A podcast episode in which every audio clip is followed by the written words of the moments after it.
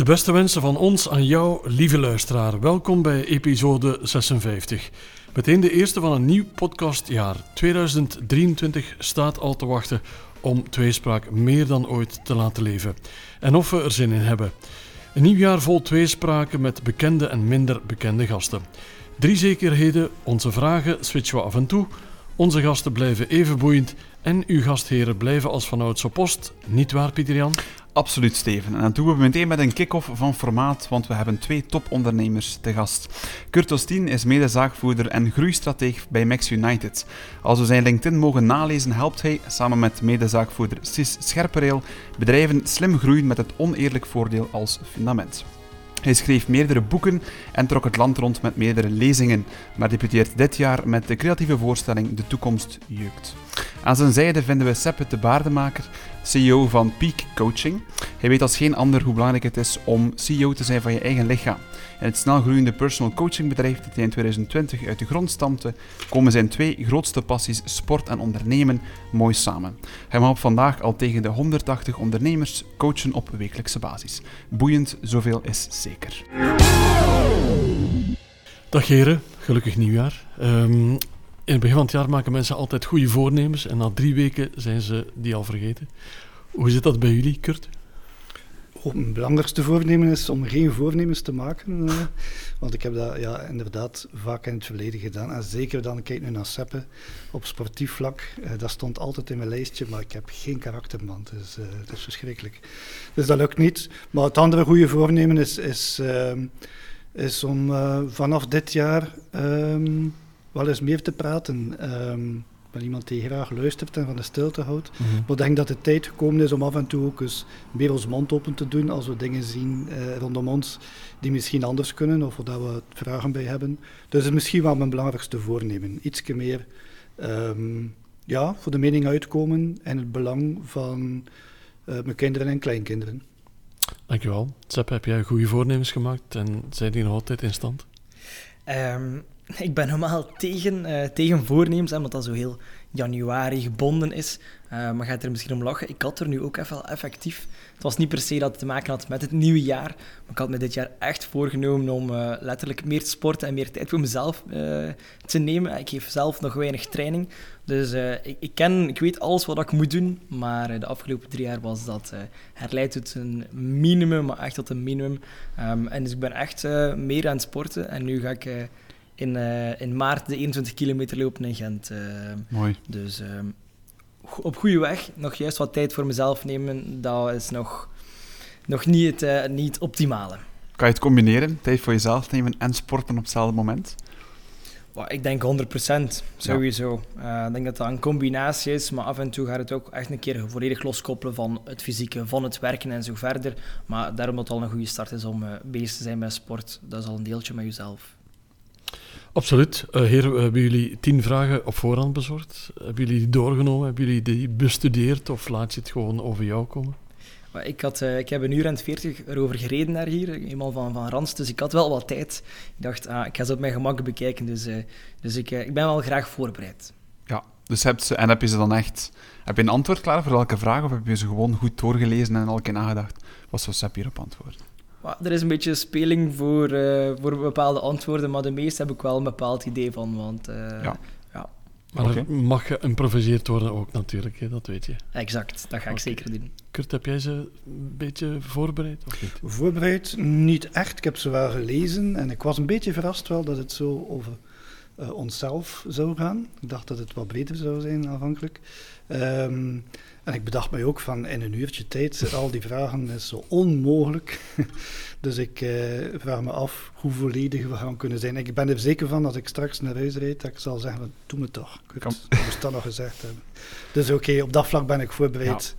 Dat is inderdaad een beetje de insteek van de podcast, dat we de gasten introduceren in het begin. En dan meer gaan posten naar de persoonlijke drijfveren en uh, de kleuren en geuren van het leven, Steven. Er zijn tien vragen, maar als we er vijf behandelen en daar komt een goed gesprek uit, gaan we tevreden naar huis. Absoluut. Ik stel voor dat we meteen gewoon de eerste vraag eruit pikken en ik geef jou de eer vanavond, Steven. Goed zo, we gaan uh, beginnen bij de eerste en dat is nummer 8 in onze lijst. Dat zegt jullie niets, maar uh, van wie of wat krijg je nooit genoeg van sommige dingen? Zijn we helemaal weg van mensen, van zaken in ons leven die we leuk vinden. Wat is dat bij jullie? En kunnen jullie dat enthousiasme delen met onze luisteraar, Kurt? Ik moet beginnen. um, maar eigenlijk heb ik, op die vraag moest ik niet lang nadenken. Het, het zal misschien een beetje melig klinken, maar uh, ik dacht meteen aan mijn vrouw eigenlijk. Nochtans, we zijn vandaag 31 jaar getrouwd. Proficiat. Dus er zullen misschien redenen kunnen zijn om het anders te zeggen. En je zit hier. En ik ben, uh, ja, maar het is voor de wet. Morgen ah, ja. is het, uh, ja, maak dat zeker goed. Uh, nee, maar het is, het, ja, ik, heb het geluk wel. Het is iemand van de meest krachtige mensen uh, die ik ken. Mm -hmm. um, en die, uh, als ik haar parcours ook bekijk in de zorgsector, met, met mensen, ex-gedetineerden, drugsverslaafden, armoede.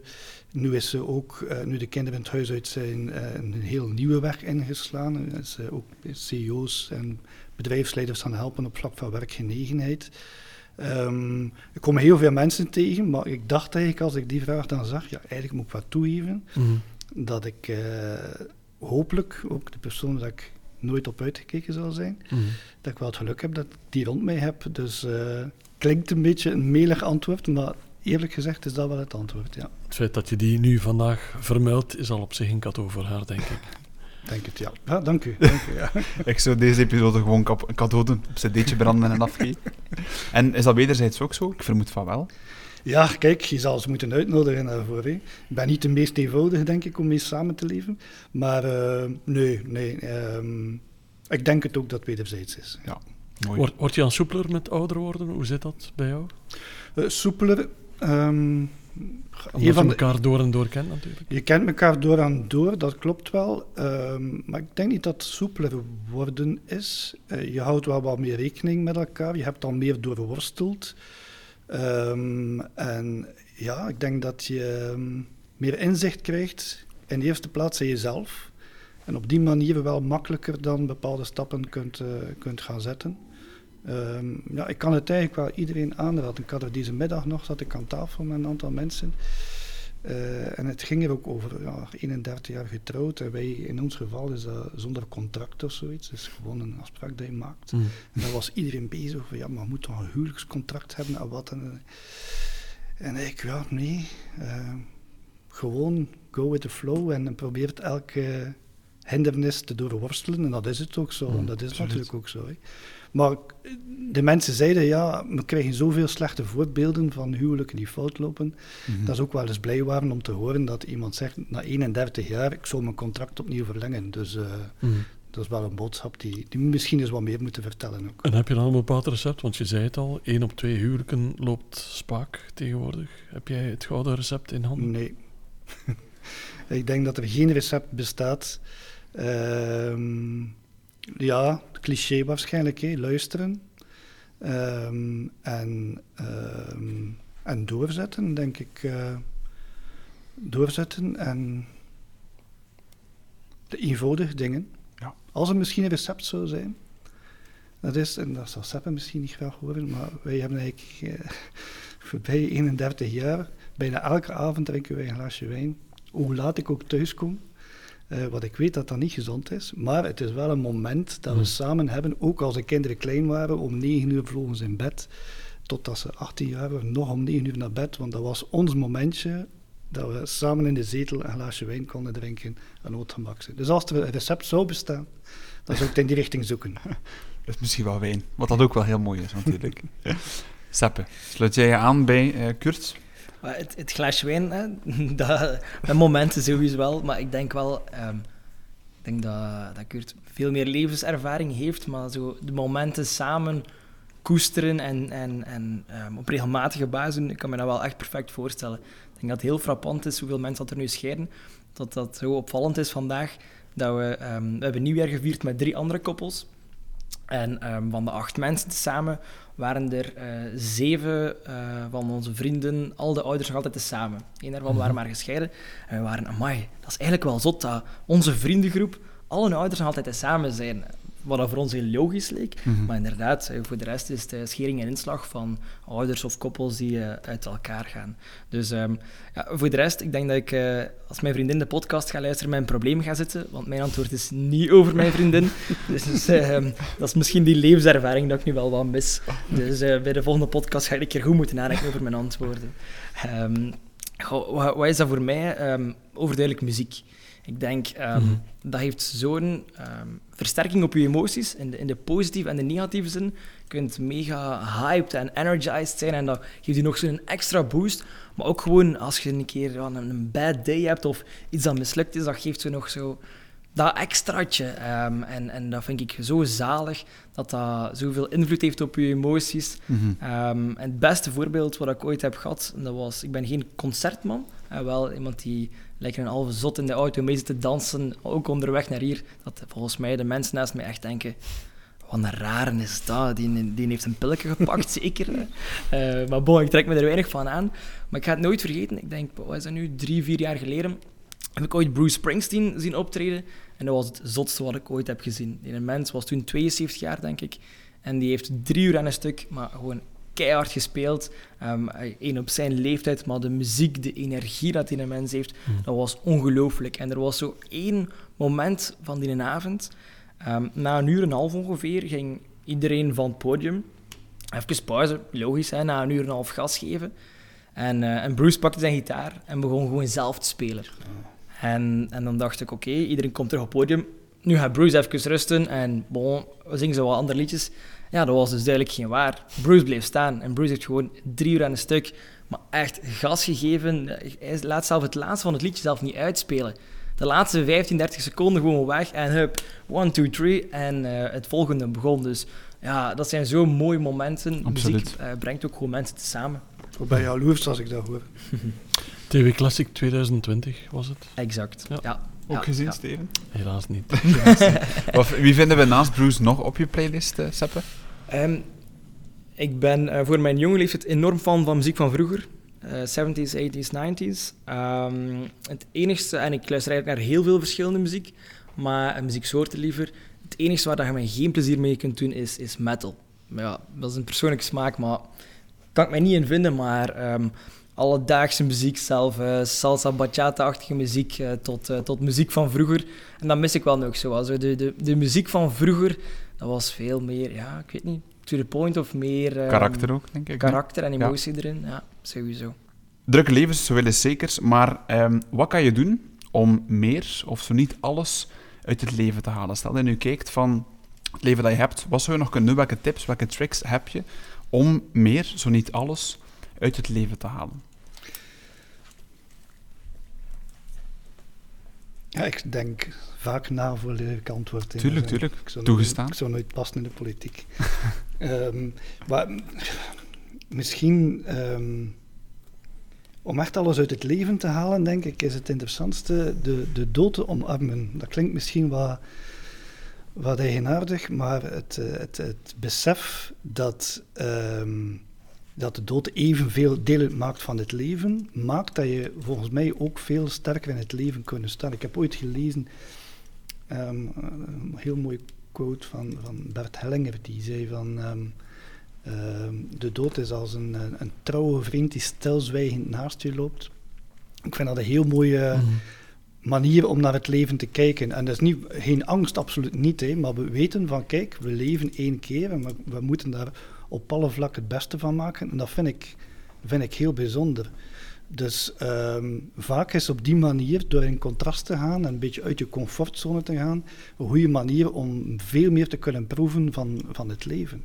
En zoals, zoals Seppe dan net zegt, ook soms in de muziek. Hè, ik, kan, eh, het klinkt misschien eigenaardig, maar het is soms goed om tijd te nemen om, zou zeggen dood te gaan, maar het komt er wel op neer, maar zo'n een muziek, alweer een glaasje wijn en dan een mooi gedicht daarbij. En dus gewoon tijd nemen om, om diep te gaan, Mhm. kan een ongelooflijke levensenergie geven om dat te gaan doen. Mhm. Dus eh, dat zou eigenlijk mijn tip zijn. Niet de spectaculaire zaken gaan zoeken, maar gewoon eens tijd nemen om te voelen van ik leef echt wel. Mooi gedicht trouwens is het, uh, een van uh, Pablo Neruda. Het is niet echt van hem, maar bon. Uh, Muere lentamente, hij sterft langzaam. Mhm. Prachtig gedicht, als je dat Mhm. leest. Ehm, samen met dan een, een goed stukje muziek Mhm. op de achtergrond. Of de En, en een glaasje wijn. En een glaasje wijn erbij. Niet te Ja, vergeten. ja, ja. Want iemand zei ooit in eh, deze podcast, het is misschien een eh, banale vergelijking, maar dat liedje van eh Hazes Junior, daar zit wel veel waarheid in. Leef alsof het je laatste dag is. Dat herken ik wel in wat je zegt.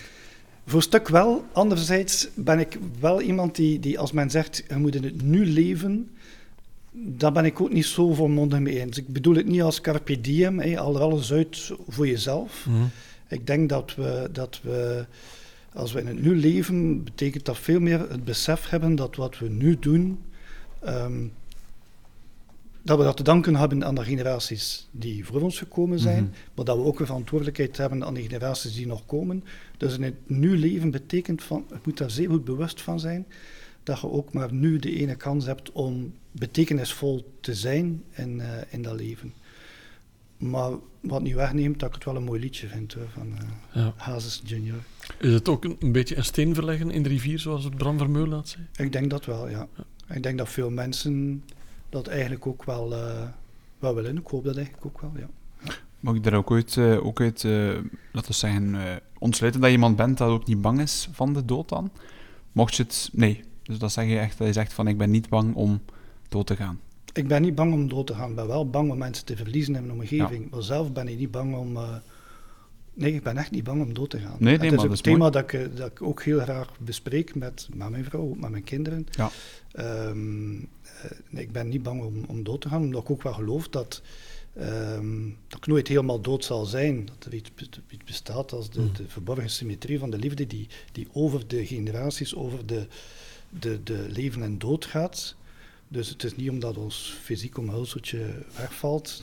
Ik denk niet dat je dat dan ook, als je Nee. daarvoor open staat, dan... eh, ik praat ook met, met mensen die ik kwijt ben in mijn leven. Maar die zijn er wel nog. Dus nee, ik ben eh, niet bang van de dood. En, en hoe bespreekbaar is dat met, met, uw, met uw gezin? Hè? Want dat zijn uw geliefden, dus dat is wel een be- bepaald gevoelig topic. Hoe bespreekbaar is dat? Ehm, dan, ik heb vier dochters, eh, dus het is, een, het is een groot gezin. En de ene dochter staat daar meer voor open dan de andere. Maar het feit dat ik een aantal dingen ook wel in, in, in, in, in een boekvorm geschreven heb, eh, maakt dat ook makkelijker om, daarover, eh, of om dat op zijn minst mee te geven. Ehm, het is niet zo dat we s'avonds samen zitten en zeggen, kom, we gaan eens over de dood spreken. Maar denk door veel dingen die je vertelt of voorleeft, of over iemand die in je leven plotseling verdwenen is, als je daarover spreekt, Mhm. dan weten ze ook wel hoe dat je over die bepaalde zaken staat. Seppe, uit het eerste kwartier van deze podcast heb ik het gevoel dat jij veel haalt uit het leven. Kan je er nog meer uithalen? Kan je er alles uithalen? Of hoeft dat niet?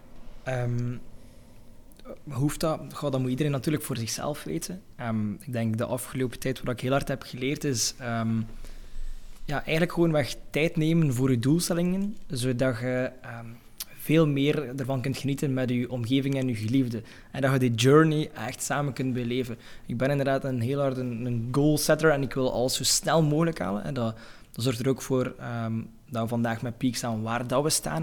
Maar eigenlijk als ik terugkijk en, en een beetje de grootste les is, is ja, we hebben echt wel tijd voor al die zaken. En als ik dat misschien iets trager doe, dan kan ik dat veel meer eh, met mijn vriendin, met mijn familie, met eh, mijn vrienden, zelf, zelf met de trainers, gewoon veel harder gaan, gaan beleven. Maar terwijl ik persoonlijk vaak gewoon constant op zoek ben naar de volgende doelstelling. Oké, daar hebben we geschrapt. Oké, nu weer naar het volgende. Ik denk dat dat een ehm, heel belangrijke is, maar voor mij persoonlijk een super moeilijke ook. Eh, want vanaf dat die doelstellingen er staan, wil ik daar zo snel mogelijk naartoe gaan. En is, is, het, is moeilijk om daar een bepaalde rust in te vinden. Ehm, iets, maar wat, iets kleins eerder, wat mij wel heel erg hard geholpen heeft, en ik denk dat dat misschien wel zo voor veel mensen zou zijn, is gewoon veel minder sociale media. Dat is eh, sinds begin januari dat ik dat doe. Ik had eh, tot voor het nieuwe jaar, ik denk dat mijn limiet op Instagram stond op 35 minuten. Standaard elke dag ehm, kwam dat erop en ik negeerde dat dan ook. Hup, en Ja. ik begon opnieuw, maar het stond op 35 minuten. Ik denk dat ik het letterlijk niet één keer heb gezegd, oké, dit, dit is het voor vandaag. En, en er zei mij ook iemand van, ehm, oh ja, op 35 minuten, dat was al zo heel weinig. Hmm. Ik zo, maar 35 minuten per dag, weet je hoeveel dat, dat is? Absoluut. En dan ehm, op nieuwjaar, ook met, de- met, het koppel, en met de koppels dat we dat ge- gevierd hebben in, in Frankrijk, zei er iemand, ik ga het weekend doen, dat was van vrijdag tot maandag, zonder gsm. Ik dacht, dat is het. Hè. Ik ga meedoen. En dat was zalig. Dat was zo genieten. Je leert je vervelen, je leert op je gemak zijn en je hebt ook veel minder nood om te gaan vergelijken. Geef maar het voorbeeld nieuwjaaravond. Sowieso, tijdens nieuwjaaravond zitten mensen op sociale media te zien wat dat de andere mensen en andere vrienden aan het doen zijn. Maar ik heb die avond geen seconde dat gemist. Maar als ik mijn telefoon in mijn, in mijn handen heb, dat is het Mhm. eerste wat dat je doet. Al is dat je naar het toilet gaat, dat is het eerste wat dat je doet. Absoluut. En dat zorgt voor zoveel onrust. En ik heb het nu gezet op ehm, 25 minuten, of op 20 Mhm. minuten, ik weet het zelf niet meer. En ik ben er al één keer aangekomen en dan heb ik het gewoon genegeerd effectief. Of twee Ja. keer op, wat zijn we, de 24ste. En dat is echt, echt puur genieten. Het geeft mijn, mijn ehm, gedachten zoveel rust, maar ook ergens een Mhm. bepaalde levenskwaliteit, omdat je veel minder vergelijkt en meer op jezelf bent toegewezen. En is dat een soort afkikmoment dan? Is dat eh, een beetje vergelijkbaar met stoppen met roken, zeg maar? Of, of is dat iets helemaal anders? Maar het heeft mij wel veel deugd gedaan om direct een keer drie dagen eh, niks te doen. Ja. Ehm, ik heb ooit een keer wat geminderd ehm, qua sociale media. En dan is het frappant om te zien hoe snel dat, dat molentje terug gaat. Eh, ik ik ben bijna nooit ziek, maar ik heb een keer drie dagen in het ziekenhuis gelegen. Eh, kort verhaal lang, ontsteking op mijn slokdarmklep. Dat was heel uitzonderlijk, maar dan moet je mooi naar het ziekenhuis gaan. En, ehm, ik was wel verminderd. En ik ben ja, in het ziekenhuis, ik kon niks doen, ik kon niet bewegen. En dat terug opgepakt, weer Instagram en zo verder. En hij heeft, ik weet niet hoe lang geduurd om dat terug weer los te laten. Dus je hebt het Mhm. zo rap terug mee. Dus het deed wel deugd om zo'n keer direct drie dagen en dan ja, ervaren veel rapper die rust. Dus ik denk, zo'n groter momentje om een reset te doen, dat is misschien wel belangrijk. Ja, absoluut. Dat is misschien ook wat dat iedereen nodig heeft om af en toe echt zo'n een, een deconnected of een offline periode te hebben die veel meer energie heeft dan constant bereikbaar te zijn. Ik las het onlangs nog inderdaad dat eh, big tech bedrijven letterlijk betaald worden of een businessmodel is zoveel mogelijk aandacht van de mensen. Hoe langer je op een platform zit, hoe meer dat ze verdienen. En dat is iets dat, denk ik, dag van vandaag heel moeilijk is om dat, eh, om dat om te buigen. Dus ik vind dat wel allee, knap dat je dat zegt, want voor onze generatie is dat ook gewoon niet, niet evident. Want mensen dag van vandaag worden geboren met een iPad in de wieg. Dus allee, dat is letterlijk zo, denk ik. Allee, dat niet misschien letterlijk zo, maar eh, het is een hele moeilijke. Maar ik denk zo, ik, ik merk dat in mijn vriendenomgeving, hè, dus eh, ik wil zeggen mensen tussen de 25 en 35 jaar, die daar wel wat terug op komen. Op dat Mhm. schermverbruik, dat we echt tegen elkaar bezig zijn. Ga ik doe dat minder en ik doe dat minder. Ja. Of er was een vriend die zei, ja, Strava, eh, ik kijk er gewoon niet meer. Gewoon voor mezelf staat dat erop, omdat je statistieken Ja. op het einde van het jaar krijgt. Maar we zijn zo'n ja, maatschappij die kijkt naar elkaar op alle mogelijke vlakken. Hè. Dus dat is, het begint wel wat te veranderen. Mhm. Kurt, hoe beleef jij dat, wat, wat Seppe hier nu allemaal zegt, bij iemand die makkelijk ook eh, van social media afstand kan nemen? Ehm, wel, het is een thema dat heel vaak naar boven komt. Hè. En het is wel boeiend om dat te luisteren, om te horen hoe dat iedereen daar op een andere manier mee, mee omgaat. Ik vind sociale media ehm, hebben ook heel veel voordelen. Ja, ik ben blij dat er sociale media bestaan, maar ik zie natuurlijk ook wel dat het één, heel verslavend kan zijn en, en twee, enorm veel energie kan eh, uit jezelf halen. Zelf, hoe beleef ik dat? Ehm, als ik thuis kom, gaat mijn gsm, mijn smartphone, gaat aan de kant, die ligt op de keuken. Ehm, en die ga ik zelden nog vastnemen. In het weekend heb ik hem ook heel zelden vast, tenzij dat ik ergens dus eh, buiten ga. Maar dat betekent ook telefoons, mails en dergelijke. Ehm, en ik kan dat blijkbaar ook in de job die ik heb. Ik ben geen, geen dokter die moet ingeroepen worden voor zoiets. Dus ik kan daar, vind ik zelf, op een heel goede manier eh, afstand van nemen. Ehm, anderzijds is het ook wel zo dat ik het eh, heel handig vind om met mijn kinderen te blijven communiceren. Ik vind eh, dat dat nu mogelijk is. Eh, Ik heb het dan over WhatsApp, Mhm. gaat niet over Facebook of zo, maar WhatsApp, ik vind dat een fantastische uitvinding om ja, toch bij te blijven wat er bij de kinderen gebeurt en omgekeerd. Spijtig dat ik dat met mijn, ou- met mijn ouders zelf niet zo'n band heb kunnen bouwen om op die manier te communiceren, want dat is wel iets wat, wat, wat hij daar mist.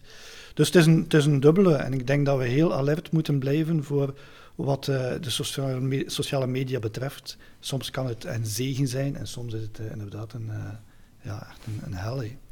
Wat ik vooral inderdaad hoor is dat bewustzijn, feit dat je bewust bezig bent met social media en ook even zegt van misschien beter een pauze, dat we allemaal een keer kunnen gebruiken. Oh, Mijn, eh, mijn oma zegt ook altijd fantastisch. Zegt, ja, ik denk dat jullie het zoveel zwaarder hebben dan ons. Ja, waarom? Gewoonweg um, veel minder keuzes vroeger. En het was in een hele andere tijd, Mhm. maar die zaten er niet meer in dat bepaalde vrienden naar New York gingen of naar Bali of met die een auto rijden. Ja, je had misschien vijf vrienden dat je een auto kon, eh, kon van zien, maar nu heb je eh 200 vrienden of volgers of weet ik veel wat. En je ziet het allemaal passeren. Dus ja, keuze zorgt wel voor een bepaalde stress. En dan maakt het wel niet zo gemakkelijk. Eh, zeker als je daarmee opgegroeid bent en constant in die vergelijkmodus zit. Ja, dat is niet zo evident. We gaan een goed glas wijn drinken, want we hebben al zwaar stuf achter de rug. Dus we gaan even eh, ontspannen. Eh, maar we gaan toch blijven babbelen, want dat is nodig bij de volgende vraag. Want de vraag is, je mag één iemand naar keuze uitnodigen voor een goed glas wijn. Maar dat mag ook een uh, lekker glaasje water zijn, waarom niet? Um, iemand die jou inspireert, iemand die je boeit, iemand die je raakt, iemand die je ontroert. Wie mag dat zijn? Wie kies je? We gaan eens bij jou beginnen, Seppe. Um, jammer genoeg is hij onlangs gestopt met sporten, maar uh, Roger Federer. Um, er zijn een aantal zaken. Ik vind dat een van de meest fantastische tennissers van de afgelopen jaren.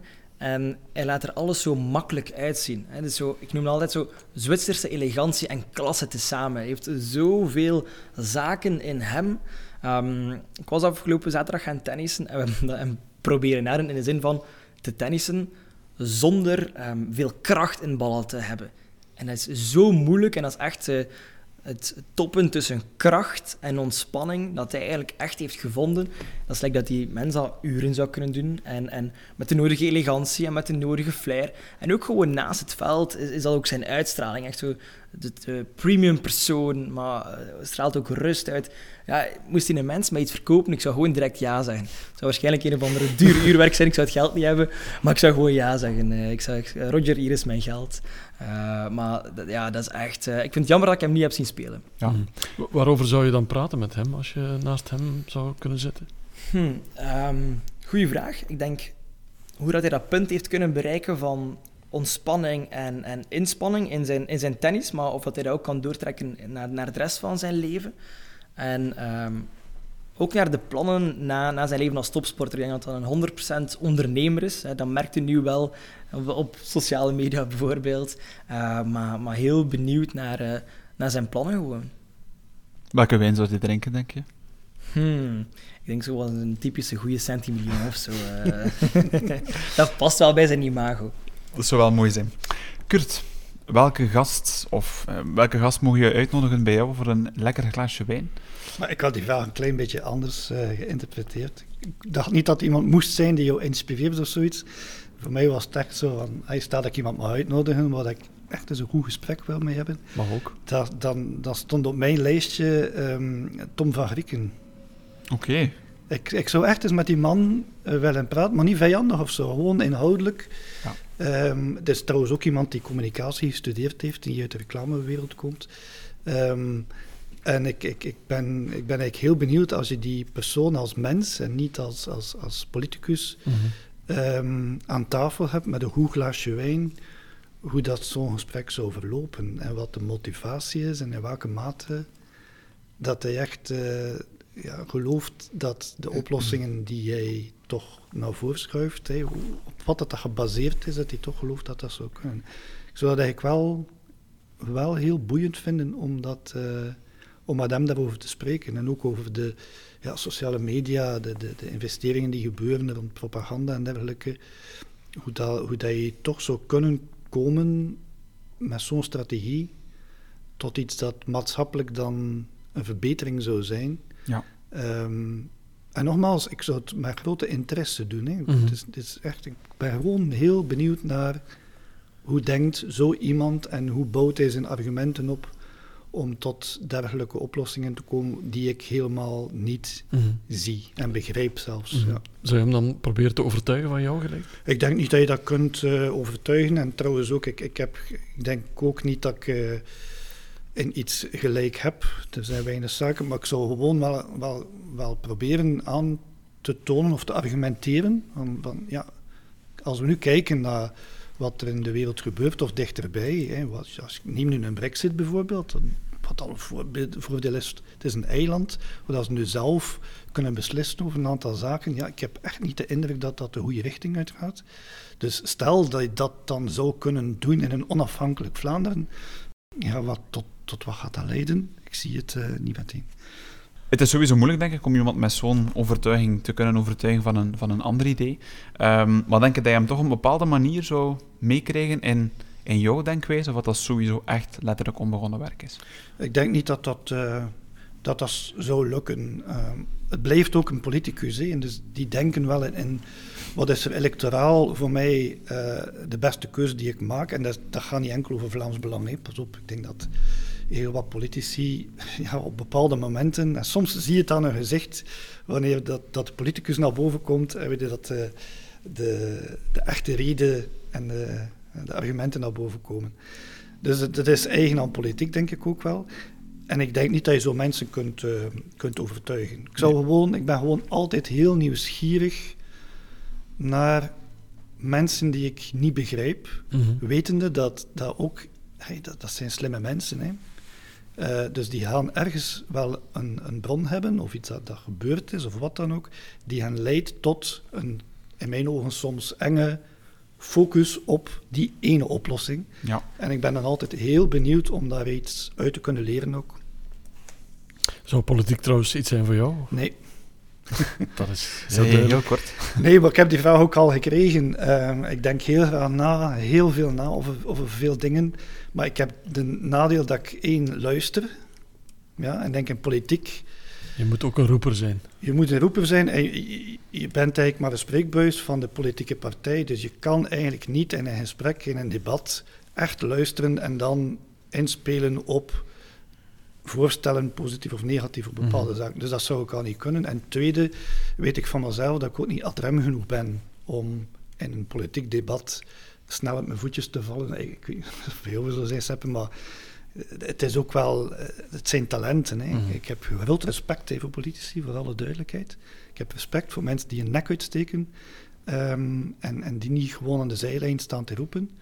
Um, maar ik heb liever een politicus die constructief met zich focust op oplossingen dan politici die constant op problemen focussen. Ja. Daar heb ik daar wel een probleem mee. Ja. Seppe, zou je het kunnen? Maar kunnen, uh, ik ben dan wel de, de roeper. Hè, dus ergens zou ik dat wel heel graag doen, omdat ik net um, verandering wil maken op een, op een bepaald niveau. Maar net omwille van die reden zou ik het niet doen, is dat je eigenlijk te weinig verandering kunt teweegbrengen.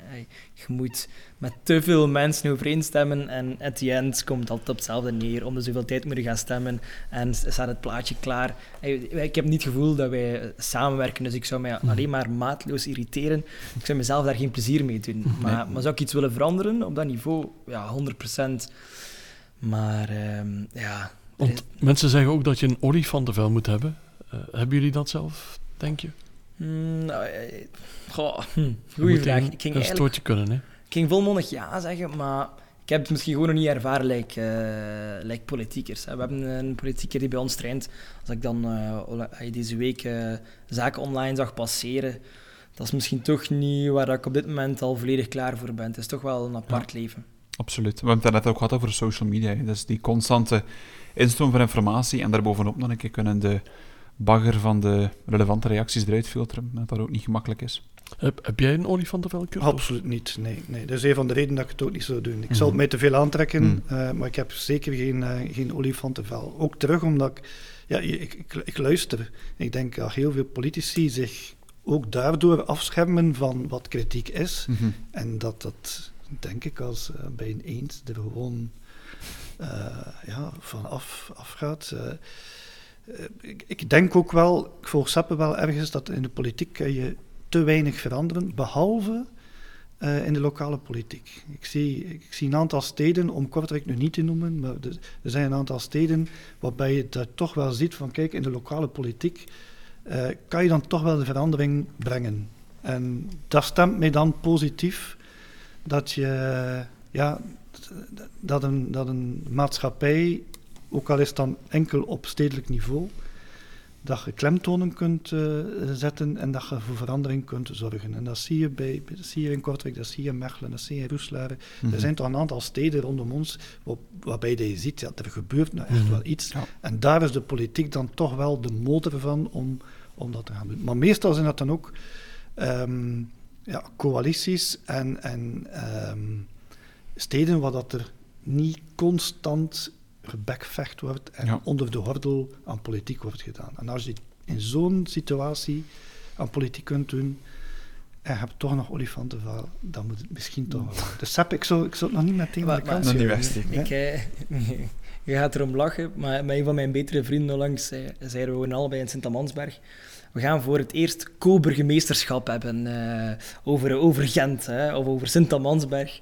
Dus uh, wie weet, wie weet doen we dat ooit. Uh, maar ik dacht, ja, we doen dat toch misschien beter gewoon met twee. Kunnen we de rollen wat verdelen en, en kunnen we wat, wat verandering teweegbrengen. Ja. voilà. In een burg en één meester. Goed, um, we gaan door naar de volgende vraag. En die gaat voor mij dan toch ook over um, de perfecte dag. Ik ga het hebben over de perfecte weekenddag. We hebben het al wat over werk gehad. Maar uh, wat omvat, of hoe ziet voor jou de perfecte weekenddag eruit? Wat omvat die, wat omvat die misschien niet, uh? Ik zal bij jou nog een keer beginnen. Uh, het, is eigenlijk zelf een beetje schaamtelijk, zeker omdat ik nog zo jong ben. Um, dat was eigenlijk de lastigste vraag dat jullie hadden gesteld. En ik kwam tot het feit dat ik dat eigenlijk op vandaag gewoon niet heb. Omdat ik zodanig veel bezig ben met mijn eigen bedrijf. Ik dacht, ja, maar wat is voor mij nu echt zo de dag dat ik volledig leuk vind of ontspannen ben. Um, en dat deed me wel even stilstaan van, oei, ik ben in zodanig eigenlijk verleerd. En vanaf dat ik uh, wat rust heb, ja, na zoveel tijd wilde oftewel, misschien is het al simpelweg iets lezen, maar wilde constant die verbetering zoeken. En is er zo weinig rust. Um, dus op dit moment heb ik het eigenlijk praktisch niet. Um, wat was wel bijvoorbeeld een fantastisch moment geweest. ik heb vorig jaar in februari voor het eerst alleen een weekend weg geweest naar de Champagne-streek om eigenlijk wel te werken, maar ook gewoon volledig alleen te zijn. Dus ik werkte en af en toe een keer uh, wat champagnes gaan proeven. Uh, maar dat was eigenlijk voor mij het, het echt moment tussen werk en zen en volledig in het moment leven. Dus ik denk dat de laatste misschien wel echt een dag waarbij dat ik losgekoppeld ben van heel veel zaken Mhm. en in het moment leef, um, dat dat misschien wel de, de, de, perfecte dag is. Maar het heeft mij duidelijk gesteld dat ik er misschien even moet bij stilstaan en het meer moet integreren. Werk je dan ook vaak in het weekend? Ik, uh, ik probeer zes op zeven te werken. De laatste tijd was dat dan weer toch wel weer een halve dag op zondag, waardoor dat je al heel rap uh, weer één of twee uur is en dat de dag weer voorbij is gevlogen. Maar in ideaal scenario probeer ik dat wel op zondag uh, minder te doen en dan is het iets meer family time, een keer uh, naar, naar mijn ouders gaan. Maar um, het is niet consistent genoeg, laat ik zeggen. Ja. Kurt, hoe zit dat bij jou, die consistentie? In het weekend hoor ik je zeggen, alles aan de kant. Uh, mails weg, telefoons weg. Mijn job laat dat ook toe, wat dat ook ja, terecht is. Uh, maar als we dan kijken naar een weekenddag van uh, Kurt Ostien, hoe ziet het er voor jou uit? Die is tamelijk concreet. Dat was voor mij een makkelijke vraag eigenlijk. Het is wel zo, als ik, als ik zeg, die, ik doe mijn computer aan de kant en zo. We zijn met strategieën bezig, Cies en ik. Dus het is niet omdat die computer dicht is en die smartphone dicht staat, dat plotseling dat ja. hoofd stil staat. Integendeel, de beste ideeën komen vaak omdat je plotseling rust vindt in mm. iets. Dus ik heb dat heel sterk nodig. Denk ook, Seppe, dat, dat daar moet waakzaam over zijn, want het is natuurlijk de fout die ik ook heb gemaakt en die veel mensen maken, constant bezig blijven. Maar als je echt productief wil zijn, dan moet je juist ook op een bepaald moment ook die momenten vinden en stelen om tot rust te komen. En die perfecte dag, um, ja, die is bij mij heel concreet. Het zal weer uh, melig klinken, niet? want begin ik in bed bij mijn vrouw. nu, nu, nu, ga ik goed luisteren. Nu ga ik goed luisteren. nee, maar wij wonen, wij wonen aan de voet van de oude Quaremont. Waar ik mensen zie met de fiets uh, ploeteren en zo. Maar wij wonen in een huurhuisje daar. En dus in de velden. En um, wat doen wij s'morgens? Dan uh, nemen wij ja, een uur, een uur en een half, als we kunnen, om een koffietje te drinken en gewoon naar buiten te kijken. En uh, het is een groot raam dat constant open staat, ook in de winter. Ons kippenhok is echt op anderhalve meter van ons bed, werkelijk. En we zien, dat, we zien onze kippen, we zien fazanten, we zien meesjes, we zien vinken, we zien, we zien uh, haasjes huppelen. Uh, als er koeien zijn, die zitten op drie meter van ons, dan mm. zien we de koeien. En die binding met de natuur is, is een ongelooflijk manier om je batterijen op te laden. Ehm, ja, ik denk niet dat er iets beter bestaat en eenvoudiger bestaat dan, dan, dan dat. En dus zo begint de dag. En als je dat helemaal ideaal moet worden, en als het mooi weer is, dan gaan we kijken wat doen we met de Vespa vandaag. En dan Mhm. klimmen we op, op de Vespa en rijden we gewoon kronkelwegen door Vlaanderen of, Frankrijk. En we stoppen in een klein cafeetje. Ehm, wat is, is, ehm, ja, dat zijn de meest mooie momenten eh, die ik heb. En die, durf ik zeggen, productief zijn ook. Ik, vind- ik vind het wel zalig om te horen, inderdaad. Hè. Sinds januari ben ik nu zo het eerste drie kwartier tot een uur ja, niks doen of niks werkgerelateerd. En dat is inderdaad wel... eh, ja, dat, dat geeft heel veel rust. Tot zover dat het is gekomen dat... ehm, ik deed, deed, doe ik me opletten wat ik zeg, niet superveel in thuis waren, omdat ik heel veel bezig ben met mijn bedrijf. Dus ik stond op en ik begon direct te werken. Maar nu is het al omgekeerd. Ben ik heel blij als de vaatwas heeft gedraaid s'nachts. Zodat ik dat, als ik opsta, dat ik gewoon dat kan doen. Waardoor dat ik met niks anders bezig ben. Dus nu sta ik soms op en denk ik, ah, de vaatwas heeft niet moeten draaien, er was geen afwas. Omdat dat echt een ontspanningsmoment is geworden. Om, je staat op, je maakt je klaar, je doet dat. Dus Ja. Je pakt niet je telefoon, je bent nog niet bezig met werk. En dus ben ik al toch wel een half uur tot 40 minuten ongeveer ver. Ik ben nu in een boek aan het lezen en achteraf, en ik vond dat zo zalig, ehm, over mindfulness. En de zin was, eh, washing the dishes to wash the dishes. En ehm, dat was een monnik die ehm, ja, bij de monniken aan het leven was. En daar, ja, de vaatwas doen was verschrikkelijk, want er was geen warm water. Zeker in vriestemperaturen moesten ze warm water ja, koken, erop doen, ehm, om, de, om de, de borden proper te maken. Super lastig. En op het moment dat hij terug in de, laten we tussen haakjes zeggen, de gewone wereld eh, kwam, moest hij geen vaatwas hebben. En zei ook, ja, er zijn heel veel mensen, eh, voor mij de, eh, de, de afwas doen liever, dat is echt een ontspanningsmoment en dat ik gewoon daarmee bezig ben. Maar er zijn ook heel veel mensen die dat doen, maar al bezig zijn met de stap daarna bijvoorbeeld thee drinken. Ja, snel de, de vaatwas doen of de afwas doen, om dan thee te drinken. En hij zei, kijk, ik vind als je dat niet eens goed kunt doen, dan zijn je ook niet klaar om thee te drinken. Want waarom? Op het moment dat je thee drinkt, zijn je weer met het volgende bezig. Ah ja, maar ik ga me rap klaarmaken, zodat ik misschien stra- eh, nog een boek kan lezen, en zo verder, en zo verder. Ja. En ik heb dat wel echt, dat zit echt in mijn hoofd, washing the dishes to wash the dishes. En dat gaat echt over in het moment leven, in, in kleine zaken, dat misschien niet altijd tof zijn, maar wel waardoor dat je heel ja, to the point bezig bent. Mooi, ja. Absoluut. En, En de tijd gaat ook trager en dan kan je er meer van genieten, denk ik. Exact. En zeker exact. wat Kurt daarnet ook vertelde, met het Weidse landschap voor jou, kan niet anders. Nee, echt waar. Het is, eh, het is voor mij een ontdekking. Een ontdekking. Vroeger woonden we in, het stad, in de stad, wat ook heel veel voordelen heeft, maar niks, niks weegt op tegen de rust van de natuur en, en meeleven met de seizoenen. Ehm, ja, dan zien we toch maar eens dat we ook maar een, een soort eh, zoogdier zijn dat, Mhm. dat, dat zijn biotoop nodig heeft. Hè, en dat is wel belangrijk. en zoals Steven ook letterlijk zegt, je kan ook gewoon niet anders. Als je op die Vespa zit, je kan geen mails doen, je kan inderdaad nadenken, maar je gebruikt je ogen, je bent echt tot rust aan het komen. Dan denk we dat veel te weinig doen. Ik de grootste tip, eh Sis, hè, mijn compagnon heeft ook een Vespa ondertussen. Maar ik denk, eh, van de als, als hart wil ontspannen, is de Vespa de, m- een perfect manier om ook te reizen. Want wij, wij doen dat soms meerdere dagen, zijn we dat weg. Maar je kunt ook niks meenemen. Hè. Dus Nee. je bent beperkt wat ondergoed en wat, en, en, en, en wat eh, tandpasta en een tandenborstel. Je bent ook veilig. Je kunt niet gaan shoppen op dus komt. Je hebt geen plaats op die, op die Vespa. Dus eh, nee, ik ben een grote Vespa-fan. Dus ik raad het eh, iedereen aan. Maar het, het moeilijke zit hem natuurlijk, hè, dat is echt ehm, rationeel via is emotioneel. Hè. Rationeel is, klopt dat, hè. als je ehm, minder aan het werken bent, dan zijn je productiever, zijn je creatiever en zo verder. Ja, emotioneel, als ik nu een uur werk, heb ik meer gedaan. Hè. Dus Ja. de, de drang tussen, ah, maar ik ga opstaan en ik ga direct, dat, dat, dat, ga ik dat en dat en dat al afgewerkt hebben. Terwijl als je meer ontspannen bent, dan ga je misschien beter om met je personeel, heb je betere ideeën en zo verder. Dus dat is natuurlijk ja, een beetje een innerlijke discussie vaak. Ja, Uh, maar Ja. dat emotioneel soms overneemt. Hè, maar puur rationeel, ja, 100%. absoluut. Als er deadlines zijn, moet ik ook toegeven, dan eh, verdwijnt ook alle emotie. Dan is het gewoon die deadline halen. Hè. Mm. Wat dan voor veel mensen, misschien om het dan ook af te sluiten, veel mensen eh, productieve tijd niet gelijk staat aan productiviteit. En dat is ook een hele belangrijke, dat productief zijn zich niet uitdrukt in duurtijd en of in hoe lang dat je met iets bezig bent, maar effectief hoe hard of hoe lang neem je de tijd om iets echt goed te doen. En dat we dat wel kunnen meenemen vandaag. Is dat iets met kwaliteit en kwantiteit? Wie weet. Ja, ik denk wel.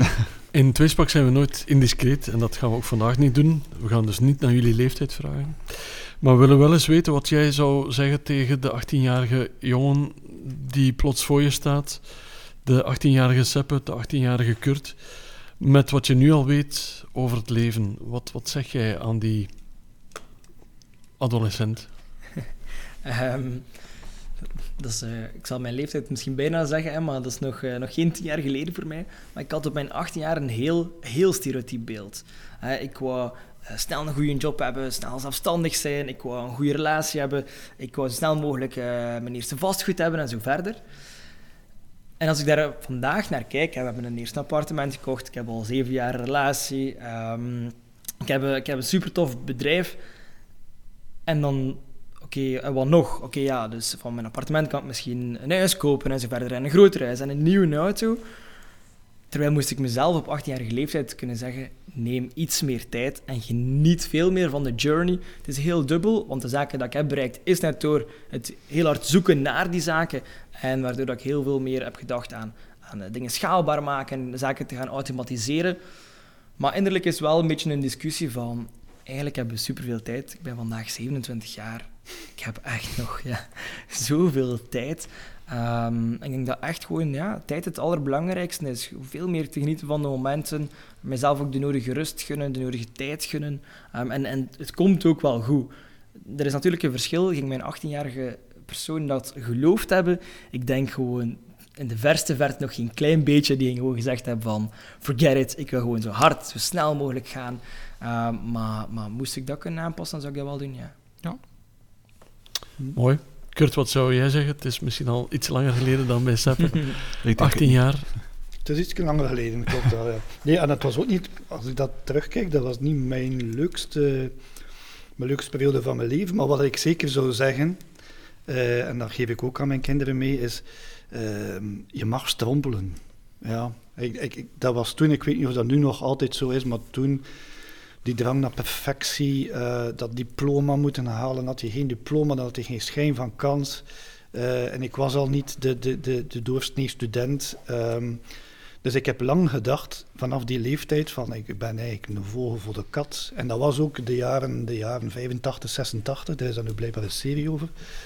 Eh, de Sex Pistols, dat was, dat was No Future. Dat was, was ook een hele sfeer van, ja, zonder diploma, dan, dan, dan maak je het niet. Hè. En ik had toen een beeld van, ja, als, als ik dat schakeltje niet heb, ja, dan, dan, mag ik het al vergeten. En ik denk dat we dat ook vandaag nog meer moeten meegeven aan iedereen van je mag strompelen. Ik strompel mijn hele leven al. En vandaag zit ik misschien op een hoogtepunt en volgende maand zal het weer een dieptepunt zijn. Dat, dat is nu eenmaal het leven. En eenmaal dat je dat kunt ervaren en, en, en beseffen dat zo is, dan wordt het ook wel leuk. Dan, dan moet je niet meteen gaan panikeren. En ik vrees vandaag dat de lat veel te hoog gelegd wordt. Die perfectie vind ik zo'n lelijk woord. Ik weet dat, dat, dat veel mensen dat, daarna streven. Maar, maar ehm, nee, strompelen, spelen.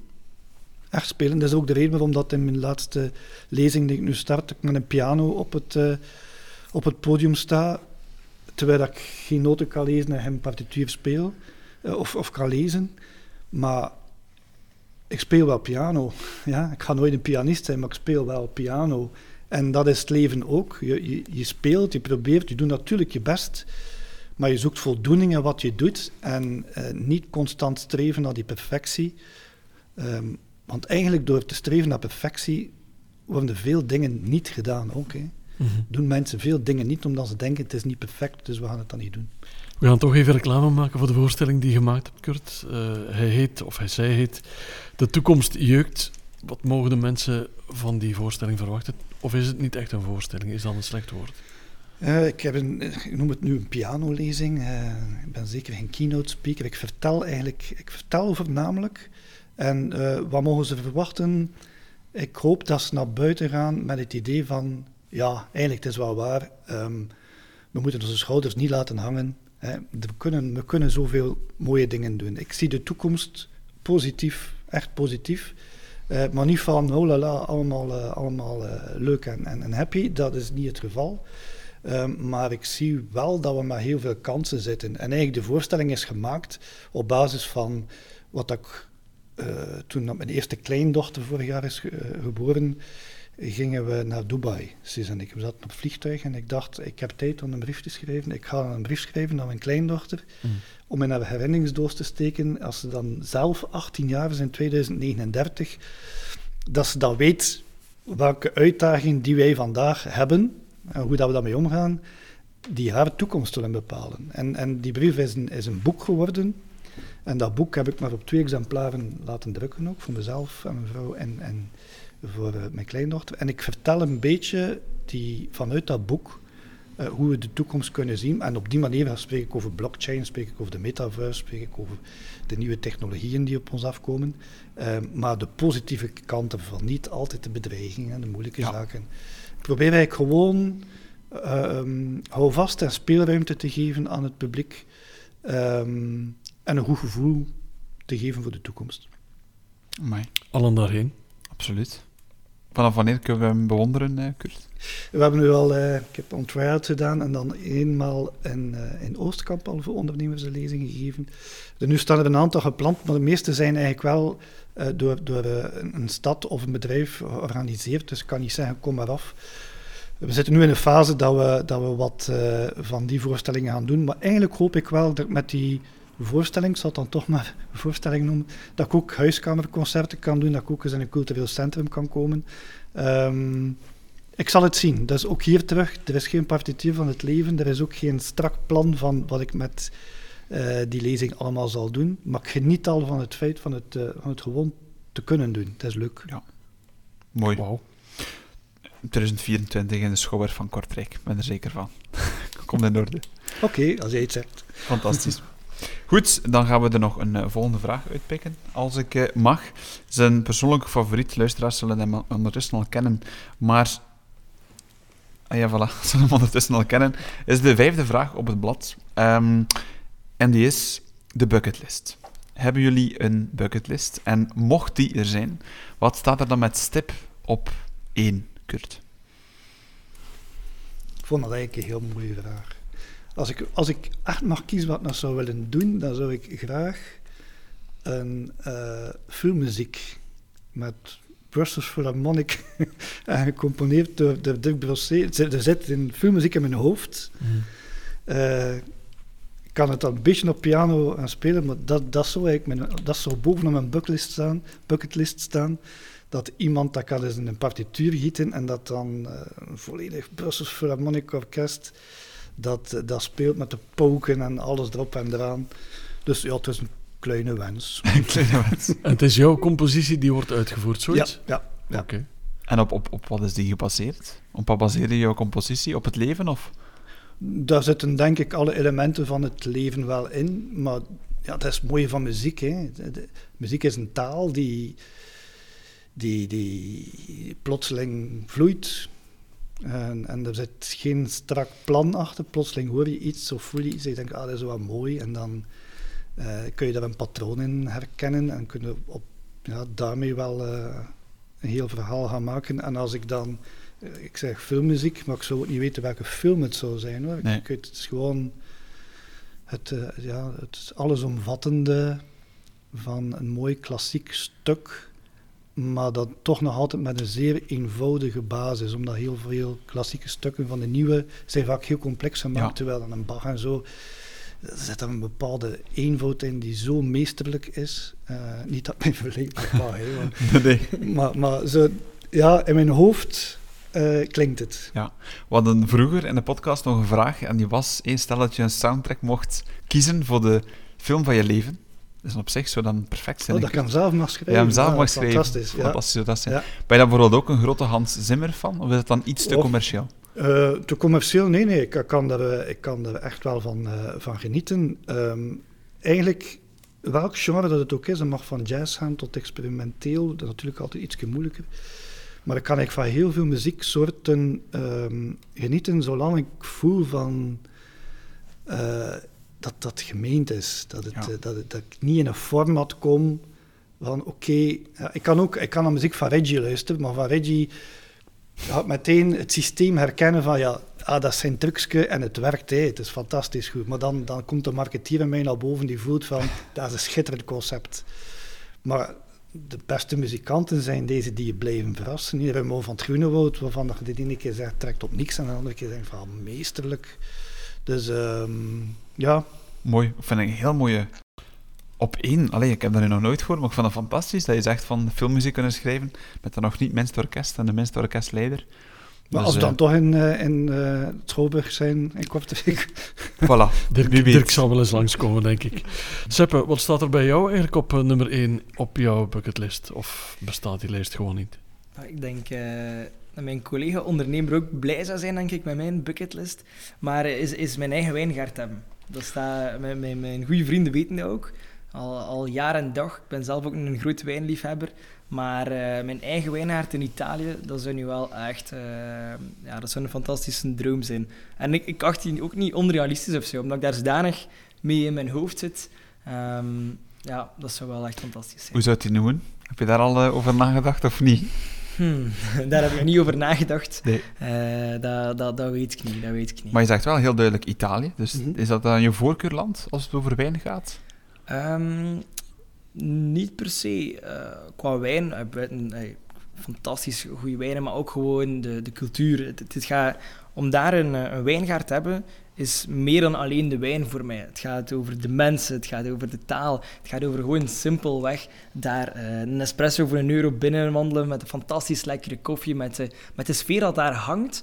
Dat is echt een wijngaard hebben, link ik heel hard aan part of a lifestyle. En dat zie ik daar dan gewoon heel hard gebeuren. Ja. Dus eh, ja. Ja, Ik kom af. Met de Vespa natuurlijk. ik kom zeker af. Fantastisch. En het is ook wel hard werken. Ja, ik denk dus- dat dat zeker... eh, allee, niet dat je het onderschat misschien, maar op zich, een heel mooie droom, maar ik denk dat dat ook heel hard werken is om dat allemaal te, te kunnen onderhouden natuurlijk.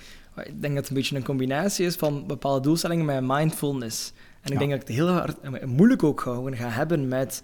Ja, het duurt jaren, hè. het gaat traag. ehm, de, de, de oogst gewoon doen, dat pakt zoveel tijd in om, en je ziet niet direct resultaat. Dus ik weet dat dat voor mij een hyper challenge zou zijn, Mhm. maar, maar, maar wel een hele leuke, denk ik. Ga je zelf ook plukken dan? Ik denk het wel, ik hoop Ja. het, ik hoop het, ik hoop het ergens. Eh, maar ik weet niet of ik het ga kunnen ook gewoon weg. Dat is echt, eh, ik denk dat ik nog een paar jaar nodig heb om mezelf die, die rust te gunnen en dat, ja. Ik denk dat je, dat je zeker eens moet spreken met eh Martin ik weet niet of je die kent, van Entre deux Monts. Die heeft een heuvelland eh, en zeer goede wijnen. En het mooie is ook als die mens hoort vertellen, eh, dat is de respect voor de natuur. Hè. Je, kan, je kan de beste wijnbouwer zijn met alle kennis die je hebt, maar het is wel de zon en de regen en het klimaat die ervoor zorgt of dat een goede wijn zal zijn of niet. En die, we hebben trouwens de, de, de, de- het, het, oneerlijk voordeel van Entre deux Monts is ingetogen trots geworden, omdat er alles zit daar eigenlijk in. Die man is ingetogen trots, zijn wijnen dat hij maakt is ingetogen trots. En hij zit daar entre deux monts, dus tussen de Rode en de Zwarte Berg, zit hij ingetogen met zijn, met zijn wijnhaven. En echt waar, Sepp, je moet daar naartoe gaan. ja ik, ik ken het, super, super lekkere wijn. Alleen gewoon, als ik ooit een wijngaard open, dan, dan gaat het niet in België zijn. Maar ik ga zeker een keer eh, zeker met hem babbelen. En het is niet ver van hier, dus eh, komt goed uit. Met de Vespa. Uit wat, jullie, uit wat jullie verteld hebben, blijkt dat jullie eh, geëngageerde mensen zijn, vind ik zelf, eh, die niet bang zijn van idealisme. En dat brengt ons bij eh, de eerste vraag die op ons blaadje staat. Hoe probeer jij zelf de wereld beter te maken? Hoe probeer jij die te verbeteren? De wereld verbeteren begint bij jezelf, maar we gaan even wat verder denken. Kurt? Ik vind het al heel goed dat jullie in de vraag niet zeggen van eh, kun je de wereld verbeteren. Dus eigenlijk begint het daar al mee dat we de mensen moeten overtuigen dat iedereen de wereld kan verbeteren. Ook al is het iemands wereld die je verbetert. Ehm, ik, ik word moedeloos van eh, mensen die constant beweren, ja, je ventje had toch niet kunnen doen, ze had niets kunnen veranderen. Ja, dat is nu het laatste dat we moeten, dat we moeten doen om, om verandering te brengen. Dus dat is ook een beetje de reden van mijn, eh, van mijn lezing is van kom aan mensen, we kunnen echt wel iets veranderen. En soms lukt dat, soms lukt dat niet. Ik heb, ik, ik heb eerst tien jaar in, in een bedrijf gewerkt, in de houtgroep Kras. Ehm, en daar geconfronteerd geweest met de ontbossing. Op een bepaald moment ben ik daar weggegaan bij Kras en ben zelf ehm al mijn geld gestopt in een project in Brazilië rond de bescherming van het Amazonewoud, een bos dat gekort ging worden van 52.000 hectare. Wat, ik, heb, ik weet toen dat ik daarover begon te praten, dat ik dat deed, heb ik heel veel mensen ontmoet die zeggen, zijn nu echt zo naïef met, met het FSC-label en dergelijke, dat je daar verschil mee kunt gaan maken. Ons project is volledig mislukt. moet ik meegeven. Ik ben ook alles kwijtgeraakt daarin. Maar wat ik van rijkdom um, mee heb gekregen door dat te doen, is ongelooflijk. Dus daarvoor ben ik al heel blij dat ik, dat ik toch die stap heb gezet, dan, ook al was het een mislukking. Uh, en anderzijds, als ik dan kijk, oké, okay, de ontbossing is een heel groot probleem, het is zeker niet opgelost en het zal zeker niet makkelijk opgelost zijn. Maar als je nu al ziet hoeveel miljoenen hectare bossen op een duurzaam beheerde manier um, um, overleven, ja, en overleven betekent dat ze economisch, ecologisch en sociaal het mhm. verschil maken. Dan ben ik trots dat ik misschien maar een heel, heel, heel, heel, heel klein druppeltje geweest ben mhm. op dat moment. Die zei, well, ik geloof wel dat het kan. En anderen zijn wel succesvol geweest. Dus um, ik heb vertrouwen dat, dat, dat we aan zoveel mogelijk mensen, en zeker aan de, de jonge generatie als dat seppen, moeten blijven zijn van het kan wel. Het zal niet zijn zoals het in je hoofd hebt, of er is geen partituur. Maar je kunt de wereld verbeteren. En ik denk alleen al die boodschap verkondigen um, kan een groot verschil maken. Mm. Je lijkt mij ook iemand die wakker ligt van de klimaatopwarming? Of? Absoluut, ja. Ik lig, daar, uh, ik lig daar wakker van, maar ben ook, ik heb ook vertrouwen dat we, als we willen, dat we het ook kunnen oplossen, is misschien niet het woord, maar dat we het kunnen leefbaar uh, gaan maken. Ik heb heel groot vertrouwen in, in technologie en wat er komt. Eh, de, de, mogelijkheden die er zijn om veel sneller bepaalde dingen te gaan, te gaan uitbouwen. Ik heb het geluk ook als, als marketingstrateeg dat ik heel vaak bij bedrijven zit die met de toekomst bezig zijn.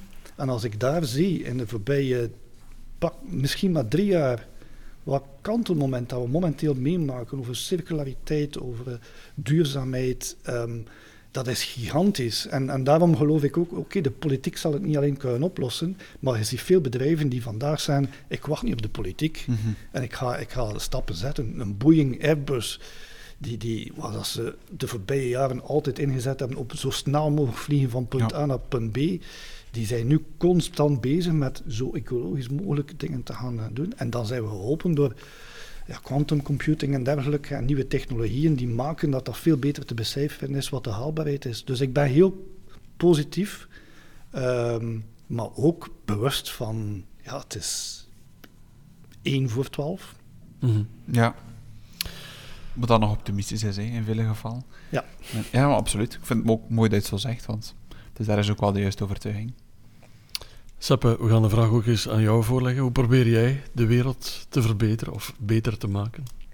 Ik denk dat het een beetje um, voor de hand liggend is met, wat dat we doen. En dat is echt ondernemers en leidinggevenden gezonder maken.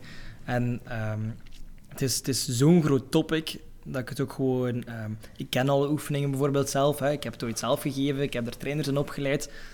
En het lukte mij gewoon ook zelf niet. En als ik dan kijk, het, heeft, uh, het is drie jaar geleden dat ik Peak heb opgestart ja, als ik zeg tegen de mensen dat ik maximum één keer per week heb gesport tijdens die periode, dan kijken de mensen, huh? die denken altijd dat ik uh, massas uren sport per week en de gezondste mens op de wereld ben. Ja, totaal niet waar. Um, en er zijn zoveel ondernemers die het um, ja, fysiek laten afhangen, maar ook gewoon mentaal. Het fysieke en, en het het, mentale gezondheid is zo, zo, zo belangrijk. Maar op dit moment, ik denk, en dat zijn geen cijfers, maar echt historisch laag, door alle druk, door alle uh, prestatiedrang dat we hebben, dat het ook voor mijzelf gewoon meer en meer een passieproject wordt, is om um, gezondheid haalbaar te maken voor ondernemers. Hè. Wij doen geen bodybuilder, crash daten en zo verder. Omdat dat is weer die haalbaarheid dat er niet in past. Het gaat echt over gezondheid in die druk bezette mhm. agenda. Want ondernemers gaan niet morgen zeggen, en nu ga ik drie op vijf werken of van 9 tot 5 en ik ga hier mooi afronden, wat dat perfect oké is, als dat kan. Maar vaak is dat niet het geval. Um, en daarom dit jaar gaan we ook echt een switch maken van personal training brand naar health brand, zodat we um, kunnen connecteren met mindfulness experten. We hebben al yoga aan huis, uh, massage aan huis gaan we hebben, um, zelf ijsbaden aan huis, dat je echt een keer als ondernemer volledig ondersteund wordt. Waar dat er zijn wel corporate trajecten en iedereen doet daar dan aan mee van de medewerkers. En dan vraag ik, ja, en hoeveel mensen van uw leadership doen er mee? En dan is het altijd even stil. Ah ja, ja, maar we doen ik weet niet hoeveel voor onze medewerkers en zo verder. Wat dat fantastisch is. Maar als uw um, CEO, uw executive team niet fit, niet gezond is, ja, je straalt uit op al de rest. En ik ga het nooit vergeten, een topondernemer, een van onze eerste twintig klanten, was bij ons beginnen sporten. En uh, als hij in Londen op zijn kantoor zat, dan um, ging hij ook vaak gaan lopen. En hij zei, ja, Seppe, Uh, ik had morgens gelopen, ik voelde mij mega goed. En normaal gezien, als ik op kantoor kom, stap ik direct door naar mijn bureau en begin ik aan mijn mails.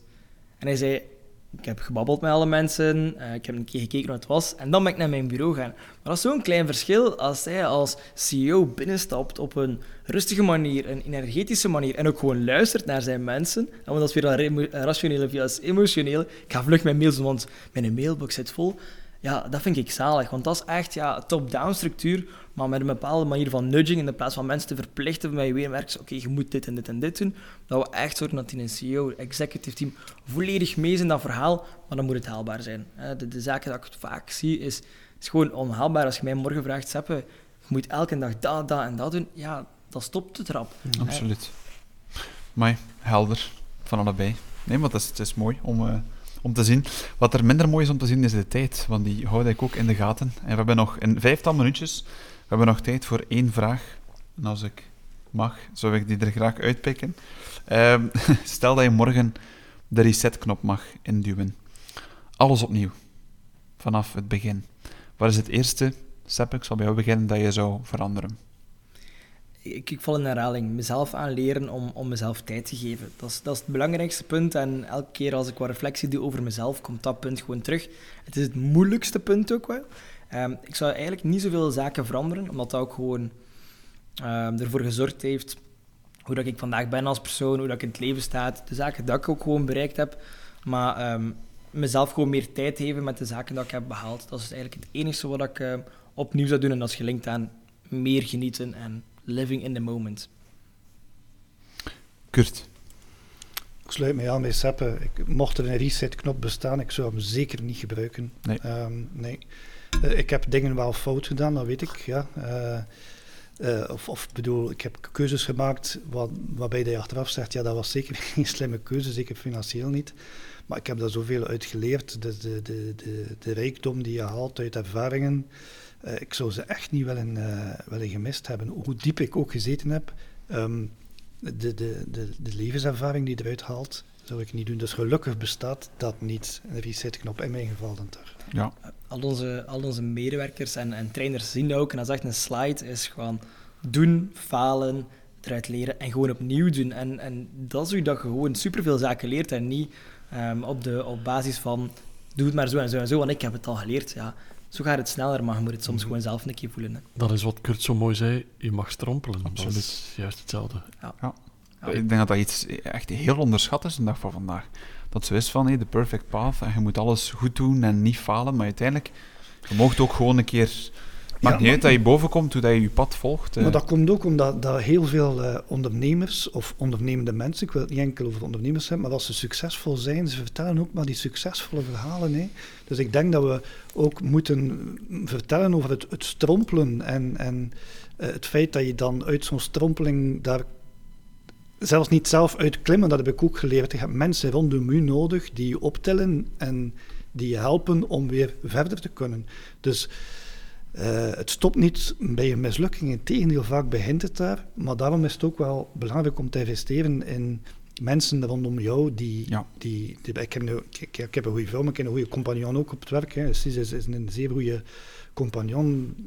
Je hebt dat wel nodig. Ik geloof niet in self-made mensen. Hè. Dat bestaat niet. Hè. Mm -hmm. Iedereen is ergens, is er iemand geweest, een klant die gezegd heeft, ik geloof in u, Seppe, ik wil met jou samenwerken, maar ik denk dat hij iets, eh, een talent hebt en een ander niet heeft. En we hebben dat nodig, maar we vergeten dat vaak achteraf. Absoluut. Als we dan succesvol zijn, dan zeggen we, we hebben dat zelf gedaan. Dus uh, nee, dat is niet maar zo. Het enige, als ik dat mag zeggen, hè, Um, naast het strompelen, wat er misschien nog ontbreekt, is de balans tussen strompelen en doorzetten. Want wat, ik, wat ik heel hard merk is bij onze generatie is, oftewel willen ze inderdaad alles perfect doen, maar um, ze hebben ook een, bepaald doorzettingsvermogen dat ergens mist. Uh, het gaat niet, dus ik stop ermee. Maar de reden dat je, dat groeit als persoon is omdat je zaken gewoon honderdduizend keer opnieuw hebt gedaan. En, en dat merk ik echt bij, bij, bij mensen tussen de 20 en de 30. En ze willen direct die perfectie, maar zonder te strompelen. Maar het gaat net over, ja, enerzijds, falen is helemaal oké, maar je moet wel doorzetten. Als je elke keer faalt en je laat het gewoon zitten, ja, dan gaat er gewoon weinig veranderen. En dat is wel echt een topic waar ik persoonlijk wel schrik voor heb uh, bij de jeugd. Mai. Heel, Dat opent eigenlijk. Ah, maar iedereen is er even stil van. We hadden die vragen, we hebben er acht kunnen stellen, dat we zeggen dat we goed gewerkt hebben, dat we stil blijven staan zijn bij een aantal eh, vragen. Ik ga jullie erg bedanken voor jullie kwetsbaarheid, voor jullie eerlijke antwoorden ook en voor jullie meenemen naar jullie wereld, die toch anders is dan die van eh, de gemiddelde mensen, denk ik. Ehm, hoe hebben jullie het zelf eigenlijk ervaren? Want dit zijn natuurlijk tien ongewone vragen, Kurt. Jij bent geen prater, heb je al gezegd. Maar het kwam er toch vlot uit, vond ik vanavond. Ja, ik heb gevoel ook dat ik veel dingen nog niet heb, eh, heb verteld. Nee, ik vind, heel, ik vind dat heel boeiend om, eh, om dergelijke zaken te doen. Ik ben iemand die een hekel heeft aan, aan recepties en netwerkevents en dergelijke. Eh, omdat ik dat juist mis. Ik vind dat Ja. leuk om eens met vier mensen aan de tafel te zitten en eens tenminste wat dieper op een aantal thema's in te gaan. En je wordt er altijd slimmer van, al is het maar dat je ook je eigen ideeën aftoetst bij, bij anderen. Dus eh, ik- meer van dat zou ik zeggen. Eh, ik ben heel blij met de uitnodiging. Ik vond het heel leuk om eens aan de andere kant van de microfoon te mogen zitten. Fantastisch. Want je zei vooraf, eh, als ik naar huis rijd straks, ga ik in mijn auto zeggen van... Dat had ik nog moeten zeggen. Dit is jouw laatste kans om dat te doen. Wat ik nog had willen zeggen. Ik denk, ehm, wat ik wel nog wil zeggen, ik denk dat we vandaag op een eh, echt een kantelmoment zitten, dat wil ik nog meegeven, die misschien vergelijkbaar is met wat we destijds met de verlichting hebben meegemaakt. Ik denk dat we, het feit dat het nu zo moeilijk is, is omdat we nog vasthangen aan structuren eh, die, die niet flexibel genoeg zijn om die vernieuwing die eraan komt eh, aan te gaan. Dus we moeten daar nog even door. En ik denk dat het aan de, de generatie van, van Seppen zal zijn, die daar denk ik wel meer de vruchten zal kan van plukken, Mhm. maar die nu ook nog ehm, ook de nadelen zal zien van de vastgeroeste structuren die we vandaag nog hebben. Maar ik ben hoopvol. Super. Seppe, hoe heb jij het ervaren? Tweespraak? Ik, ik ben een babbelaar, dus ik vind dat sowieso heel tof. Hè, maar ehm, ik denk dat voor mij eh, heel leuk was om, om zelf een reflectiemomentje te hebben met alle vragen. Super leuke vragen om hierbij stil te staan. Maar ook gewoon, ja, ehm wij schelen wat in leeftijd, ik en Kurt. Dus eh, het is heel leuk om de ja, vragen een beetje te vergelijken. En soms ook te zien dat er heel veel gelijkenissen zitten, maar ook ja, een totaal ander spectrum en veel meer levenservaring. Dus eh, het was een heel interessante babbel. Super. Daarmee is ook eh, is de kop eraf van onze eerste episode van 2023, Steven. We hebben er nog altijd zin in, denk ik. En nu laat je mij met mijn mond vol tanden staan.